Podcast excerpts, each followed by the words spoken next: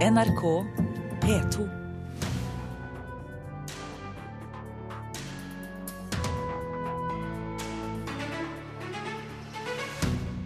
Det er fire år siden sist en norsk barnefilm ble plukket ut til Berlinalen. Trist at vi er i ferd med å miste posisjonen som et av de gode barnefilmlandene, mener NRKs filmkritiker. Enorme mengder historiske bilder, film, lydopptak og fortellinger er gjort tilgjengelig på nett gjennom prosjektet Kultur- og naturreiser. Nå gjenstår det bare at noen bruker dem. Og Magna Carta fyller 800 år i år og feires stort i Storbritannia. Magna Carta-avtaledokumentet som ble grunnlaget for Englands parlament og begynnelsen på konstitusjonelt styre i den vestlige verden. Lite papir, stor betydning. Kulturnytt får du i dag med Birger Kolsrud Aasund i studio. Fire år siden er det siden eh, en spillefilm for barn ble plukket ut til å konkurrere i filmfestivalen i Berlin. Samtidig var filmåret 2014 preget av en rekke barnefilmer med stor publikumssuksess på norske kinoer. Norsk Filminstitutt bekrefter at det er få filmskapere som søker om støtte til å lage kunstnerisk ambisiøs barnefilm. Vi har fått en ny elev i klassen i dag. Si hei til Mari. Jeg ser at hun har kikka litt på meg i timen. Men uh, har hun sagt noe, da? Hun eh, sa at hun hadde veldig lyst på en sånn homovenn. Sånn som vi kan dra og shoppe med. Keeperen til Liverpool av regissør Arild Andresen stakk av med den gjeve Krystallbjørnen for beste barnefilm under filmfestivalen i Berlin i 2011. Hele tre norske langfilmer for barn var plukka ut til Berlinale-programmet det året. Men etterpå ble det stilt, og de siste fire åra har bare én enkelt kortfilm blitt plukka ut til barnefilmkategorien på Berlinalen. Det er jo trist. Vi hadde jo en periode hvor vi nesten var representert hvert eneste år i barnefilm i Berlin. Så det er jo et eh, tegn på at uh, vi ikke lager uh, den type spennende kunstneriske filmer for barn som vi gjorde for noen år siden. Det sier Tonje Hardersen, filmrådgiver med ansvar for barn og unge i bransjeorganisasjonen Film og Kino. Men sjøl om filmfestivalen i Berlin ikke vil ha dem, kan norske barnefilmer vise til eventyrlige publikumstall. Fire av ti filmer på kinotoppen i fjor var norske barnefilmer.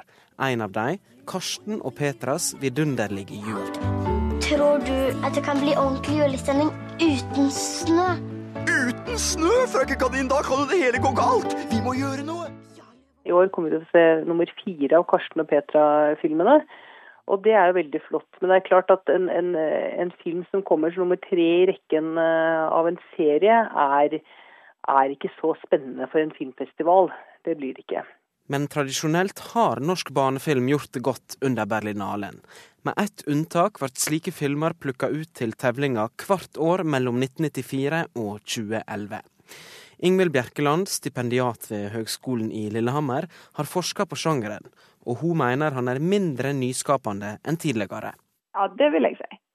Altså Det profesjonelle nivået har på noen områder blitt mye bedre. Sånn at det lages også et spennende norsk barnefilm. Men Original er han ikke. Det er veldig sjelden det kommer ting vi ikke har forventa eller ikke har sett før. Bjerkeland mener det er naturlig at festivalene viste større interesse for norsk barnefilm tidligere, da temavalene etter hennes syn var modigere. Norsk barnefilm var en av de filmtypene hvis vi skal kalle det det, som var med og vant tilbake norsk publikum sin tillit på slutten av 80-tallet og begynnelsen av 90-tallet. De tok opp alvorlige, gjerne eksistensielle spørsmål og seriøse temaer som mobbing, kjærlighet, skilsmisse, sykdom, døden. Men i dag er de fleste norske barnefilmmanus basert på eksisterende bøker og konsept, med få nyskrevne manus. Stine Helgeland, lanseringsdirektør i Norsk Filminstitutt, sier det er lite pågang fra filmskaperne. Vi mottar få søknader om tilskudd til de mer kunstnerisk ambisiøse og originalskrevne barnefilmene. Så vi opplever rett og slett at vi får lite søknader til originalskrevet barnefilm. Hvordan opplever du interessa i bransjen for å lage nyskapende barnefilm? Nei, vi får jo få søknader, så det tyder jo på at, uh, at det ikke er fokuset i produksjonsselskapene sånn som det er uh, nå. Reporter her, det var Lars Ivar eh, Nordahl. Filmkritiker her i P2, Einar Gullvåg Staalesen. Eh, programmet til Berlinalen ble altså klart i går. Er det et eh, problem egentlig at Norge ikke har hatt noen spillefilm i barnekonkurransen siden 2011? Ja, det er et problem, fordi vi var blant de beste. Det var Danmark, Norge, Nederland, Canada som, som dominerte i barnefilmprogrammene på ganske mange festivaler gjennom en periode. Og når det nå er totalt stopp, så sier det oss det bør si oss at vi lager altfor kjedelige, altså altfor forutsigelige, altfor generelle barnefilmer som ikke er originale, som ikke er spesielt norske. Altså Det som er spesielt norsk, der hvor du gjenkjenner en kultur og, og en, et temperament, det har man sans for når man kommer på festivalene ute. Og det er klart at det er en forskjell på å vurdere til festival og vurdere til, til marked, men eh, det er jo en veldig utfordring at de barna som kommer på en festivalfilm som de ikke aner noe som helst om, kan sitte der og er veldig begeistret. Hadde den vært vist i et ordinært visningsmønster med en, en svak markedsføring, så hadde det ikke kommet noen. Men hvorfor har det blitt sånn, tror du? Nei, det er selvfølgelig fordi at uh, i Norge så er det jo slik at uh, vi etter hvert prioriterer kjente historier fordi de allerede er markedsført. Det har allerede vært TV-serier, det har vært suksessbøker, det har vært Altså, det er kjent stoff. Og det som er kjent, det gjentar vi. Det, er, det har vært Hollywoods dårligste egenskap gjennom veldig mange år. Nå er vi i ferd med å, å ta igjen den. altså. Men samtidig så hører vi jo her at 2014 var et godt år for norsk barnefilm rent kommersielt. Og det teller da også for noe, gjør det ikke det? Det teller så avgjort. Det er veldig ålreit at, at, man går og ser norsk barnefilm i stedet for noe hva som helst ellers fra, fra en eller annen diffus verden. Men det er blitt et mål i, i, for stor grad å lage de filmene som trekker mye folk, og som hjelper statistikkene frem. Altså, det norske filmbesøket uten disse veldig kommersielle eller veldig markedsberegnede eh, filmene i fjor for barn, så hadde ikke det norske kinobesøket vært noe særlig. Men er det et tegn dette her på at det går dårligere med norsk barnefilm? Kan man egentlig gå så langt? Ja, det er det. For når, når vi går tilbake og ser hva Berlin har valgt ut i tidligere år, så, så ser vi det ganske klart at originaliteten, det norske, det dreier seg om Jørgen pluss Anne Sant, keeperen til Liverpool som er nevnt allerede. Mm. Bestevenner. Det, fan, fantastisk fine, originale historier som tør noe, og som eh, er kan være uventede, men som primært er veldig norske, både i bilde og temperament. Vi får se hvordan 2015 utvikler seg. Einar Gullvåg Staalesen, takk for at du kunne være med oss i studio i dag.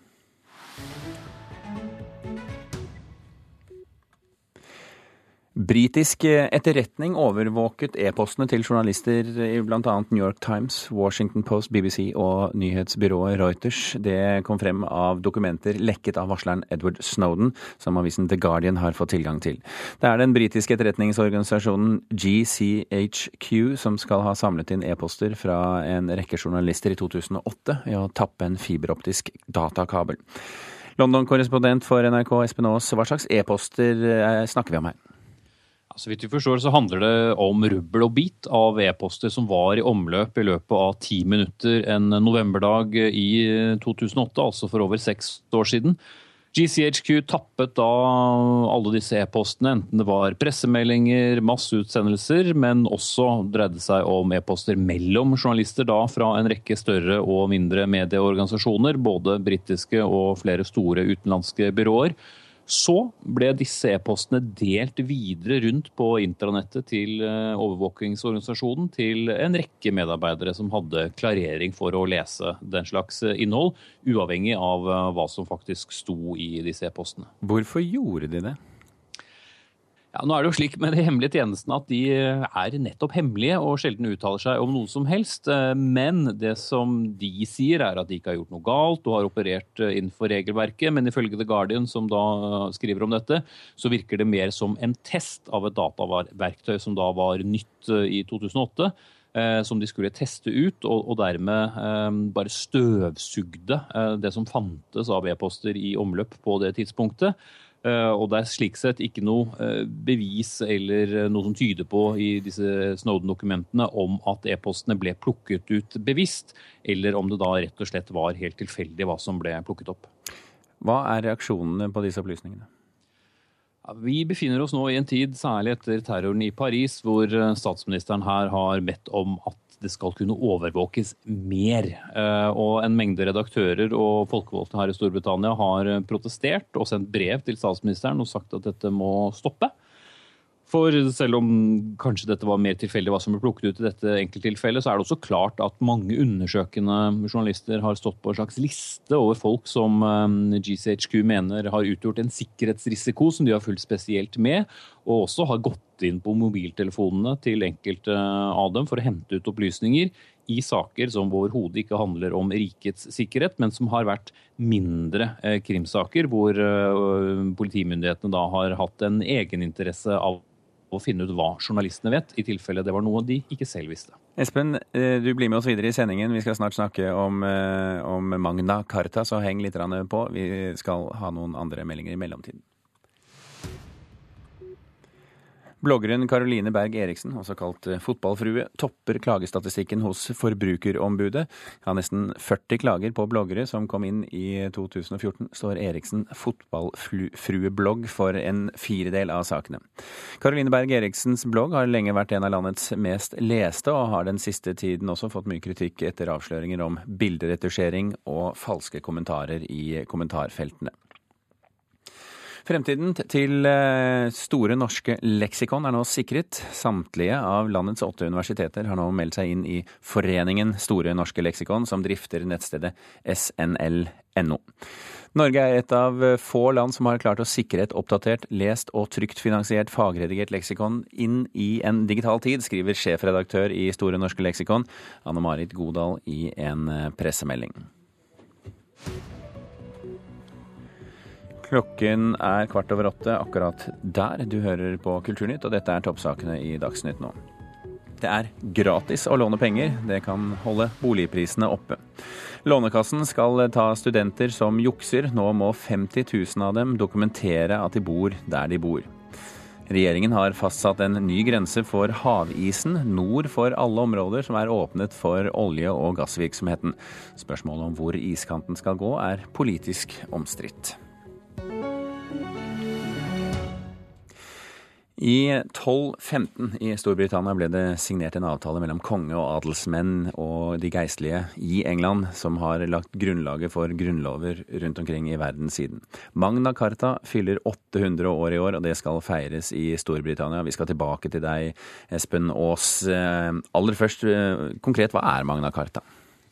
Ja, Helt konkret så er Magna Carta et da eldgammelt falmet dokument på 54 linjer med små bokstaver, men da også et uhyre symbolsk og viktig falmet uh, dokument. Uh, det skriver seg tilbake da prins Johan, eller Johan uten land, som han også ble kjent for, en svært upopulær eh, monark, styrte og ble tvunget da 15.6.1215 til å undertegne dokumentet som begrenset hans makt og skulle fortsette å gjøre det, og dermed la, som du sier, et, eh, et, et grunnlag for, for, kommende rettsstater, grunnlover og konstitusjoner, selv om dette dokumentet for så vidt begrenser jo makten eh, mye til kun eh, andre adelsmenn, men slår også fast at frie menn hadde krav på å bli dømt av likemenn i, i rettssaker, slik at dette var da en, en tidlig innføring av et lovverk som skulle sikre um, rettferdighet. Om hva, hva, hva, hva, finnes av disse originalskriftene i dag? Ja, det ble laget uh, en mengde kopier, og fire stykker finnes uh, fortsatt. To finnes på British Library her i London, og så er det de to andre på katedralene i Salisbury og Lincoln, henholdsvis vest og nord for uh, London. Og disse fire de skal da føres sammen på British Library i begynnelsen av februar som en av mange markeringer for den 800-årsdagen. Nå, er jo selve jubileumsdagen 15. juni, eh, men feiringen starter altså i dag. Eh, hvordan blir eh, jubileet markert i Storbritannia dette året? Det er jo to viktige jubileer eh, her i Storbritannia, eller England om du vil. For akkurat i dag så er det 750 år siden det aller første engelske parlamentet trådte sammen før Storbritannias eh, tid, og er da en annen viktig dato for eh, demokratiseringen. Og dette skal markeres i Westminster i dag, men som også blir en del av denne feiringen av eh, Magna Carta. Folk som får sitt britiske statsborgerskap i dag, får også utdelt kopier av Magna Carta som en slags velkomstgave fordi de har blitt eh, briter. Og så utover i månedene og ukene som kommer, så er det en mengde små og store markeringer. Magna Carta skal stilles ut sammen med den amerikanske uavhengighetserklæringen. Og 15.6 er da den store dagen. Da blir det en uh, stor markering i Runnymede ved Windsor uh, utenfor London, hvor da Johan uten land ble tvunget til å undertegne dette dokumentet som uh, ga fra ham makt til de andre høye herrer. Og slik sett altså endret kommende monarkers makt. Og så blir det flere små nachspiel, om du vil, etter 15.6 utover høsten. Takk skal du ha, Espen, for at du var med oss fra London i dag. Vi har fått besøk av Dag Michaelsen, professor ved Institutt for offentlig rett ved Universitetet i Oslo. Velkommen til Kulturnytt. Tusen takk. Hvilken betydning har Magna Carta hatt? Ja, Magna Carta har hatt stor betydning i England. Eh, og senere også i USA, USA, det som heter common law-landene, altså de landene som hadde eh, brukte det engelske rettssystemet etter hvert som de engelske koloniene ble store. Eh, Magna Carta selv er jo et eh, som det ble sagt et lite dokument på 63 bestemmelser som dreier seg om alt mulig rart. Alt fra fiskedemninger i Themsen til eh, store prinsipper om den engelske kirkens frihet. Så det er et veldig variert og innholdsrikt dokument. Det er ganske godt skrevet, det er presist skrevet, det er liksom på høyden av tiden hva de kunne tenke juridisk og politisk på den tiden her. Det at, Karl, det at, eh, kong Johan var nødt til å inngå dette kompromisset, var eh, da et resultat av mye krigføringer, og baronene var drittlei av all skattleggingen. Han var en litt dårlig konge, var han ikke det? Ja, det er litt forskjellige oppfatninger om ham. da. I Robin Hood-legenden er det noe dårlig presse. Men eh, hvis man ser i kildene, så er det litt forskjellig. Var en nokså brutal konge, var han utvilsomt. Men han hadde jo paven eh, på sin side, så paven, etter tre måneder så annullerte paven Magna Carta og sa at dette var jo i strid med hvordan konger skulle ha det. Men poenget med Magna Carta er at det over tid ble så viktig. At det gikk inn i det engelske rettssystemet, engelske rettsorden, at fortløpende konger anerkjente dette dokumentet som en begrensning av deres rettigheter. Eh, så det som skjedde i 1215 kunne godt ha blitt fort glemt. Men det at det senere ble brukt, det er liksom den store saken med Magna Carta. Er det her vi ser maktfordelingsprinsippet slik vi kjenner det i vestlig verden knesatt for første gang? Nei. Det syns jeg blir feil. Ja, kom igjen. For å være rett på sak. Nei, altså maktfordeling finner du eh, varianter av i greske antikken, i romerske republikker. Du finner det mange steder. Magna Carta er ikke så spesielt. Selv om engelskmennene elsker å si det, selvfølgelig, så er det ikke så spesielt. For det var mange tilsvarende dokumenter på 1200-tallet i Europa. Det som er spesielt med Magna Carta, er at det ble brukt, og er at det har hatt så stor betydning frem til i dag. Det er eh, liksom det spesielle med det. Innholdsmessig er det ikke så mye.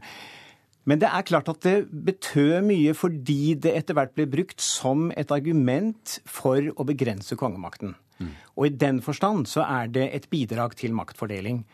Og særlig på 1600- og 1700-tallet så ble Magna Carta nettopp et slags symbol på at det skulle være flere aktører i det politiske systemet. Ehm, og I den forstand så kan man kanskje si at det er noen sammenhenger mellom eh, maktfordeling og Magna Carta. Men de er litt sånn indirekte, da. kan ja. man si. Hvilken påvirkning vil du si at den har hatt på vår konstitusjon i Norge? Du har jo nå reist rundt i et par år og snakket om grunnlovsjubileet, øh, øh, vårt demokrati. Ja, altså Der må jeg si at det er nokså indirekte sammenhenger. Magna Carta eh, sier ikke noe sted at det skal være en maktfordeling. Man, man kan ikke kalle eh, Magna Carta en slags grunnlov. fordi at de moderne grunnlovene kommer rundt 1800 og er av en helt annen karakter, en helt annen prinsippkarakter og forankres på en helt annen måte enn det Magna Carta var. Men så finnes det visse prinsipper i Magna Carta som er viktige. Eh, det finnes rettsstatsprinsipper, eh, rettigheter for borgere og slike ting som jo var viktig i eh, forfatningene. Og i USA så spiller det en ganske viktig rolle. og det er ikke så rart at de skal stilles ut sammen med uavhengighetserklæringen, eh, som det ble sagt her fra London. fordi at Der ser man referanser til Magna Carta. Der, særlig i USA, brukte man Magna Carta som del av deres nye forfatning i USA. Slik at den har hatt like stor eh, betydning i USA faktisk som i England. Og- Og, og- ennå, bruk, ennå henviser eh, amerikanske domstoler til Magna Carta faktisk mer enn engelske domstoler gjør. Ja. Men en god grunn til å feire i Storbritannia, i hvert fall. Ja, absolutt må ja. være det. Ja. Utmerket. Dag Michaelsen, professor ved Universitetet i Oslo, takk for at du kom til Kulturnytt.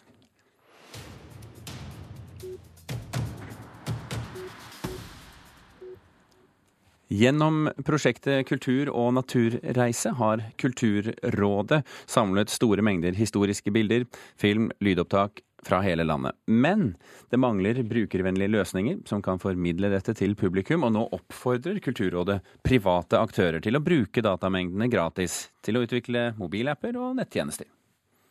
Her kommer elveren. Og da trykker vi på eh, spill tur. Og så er det bare å sette seg ned og slappe av på trikken, og så vil lydene begynne å spille når du kommer inn i det området eh, lyden hører til.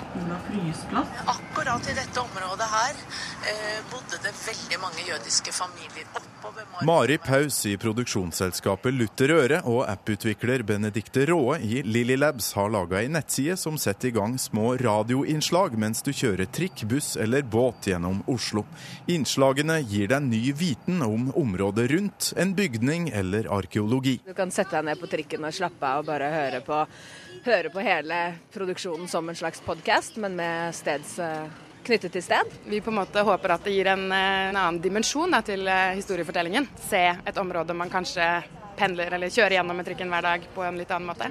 Dette er et område hvor, eh, hvor Akerselva historisk sett har vært en barriere. Det Luther Øre gjør er veldig spennende. Marit Kjeksrud Amundsen er en av tre ansatte i det statlige prosjektet Kultur og naturreise. Et samarbeid mellom bl.a. Kulturrådet, Kartverket og Riksarkivet, som jobber for å gjøre statlige data tilgjengelig. Med et budsjett på nesten 13 millioner kroner har de i tre år bidratt til å legge millioner av dokumenter, bilder, lyd og video ut på tjenesten Norvegiana og digitaltfortalt.no. Nå drar vi til Telemark, og så er det en liten videosnutt. Visste du at i kyrkja her så fins det djevler og demoner? Over 2800 har noen telt. Alt ligger tilgjengelig, men det er svært få som finner fram til å bruke all denne informasjonen. Foreløpig så tror jeg det er kanskje en godt skjult hemmelighet, men jeg tror at eh, når man får litt tid til hjelp, så blir det mye mer kjent. Amundsen oppfordrer nå private aktører til å gå inn og utforske denne ukjente gullgruva, og gratis benytte datamengden til å lage mobilapper og andre tjenester som formidler norsk kultur og natur. Privatpersoner, historielag, turgrupper, absolutt alle til å finne ut av hva slags data finnes, så er da den offentlige infrastrukturen der til stede at du kan bruke det helt gratis. Prosjektet er nok et sånn startskudd for hva som kan eh, skje i åra framover. Hva er egentlig på en måte poenget for brukeren? Apputvikler Benedikte Råe synes mobilappene som staten lager sjøl, ofte blir kjedelige, for omfattende og lite brukervennlige. Hun tror det er en god idé å la andre gjøre den jobben. Det vi har muligheten til å gjøre, er å si at nå lager vi kollektivradio som er for trikketurer, bussturer, båtturer. Og det er på en måte brukerscenario, som gjør det enklere for brukeren å forstå hva er det vi skal bruke den til. I Paul kirke så var den eh, leid ut etter sigende til Bertel og Steen, som eh, lagra Mercedes bildeler. Og det var nok ikke alle i menigheten som vi visste om. Eirik eh, Bakkum i den ferske tjenesten kollektivradio.no. Reporter var Torkil Thorsvik. Kulturnytt er slutt. Andrea Kvamme Hagen, Hanne Lunås og Birger Kålsrud Aasund takker for følget. Hør flere podkaster på nrk.no podkast.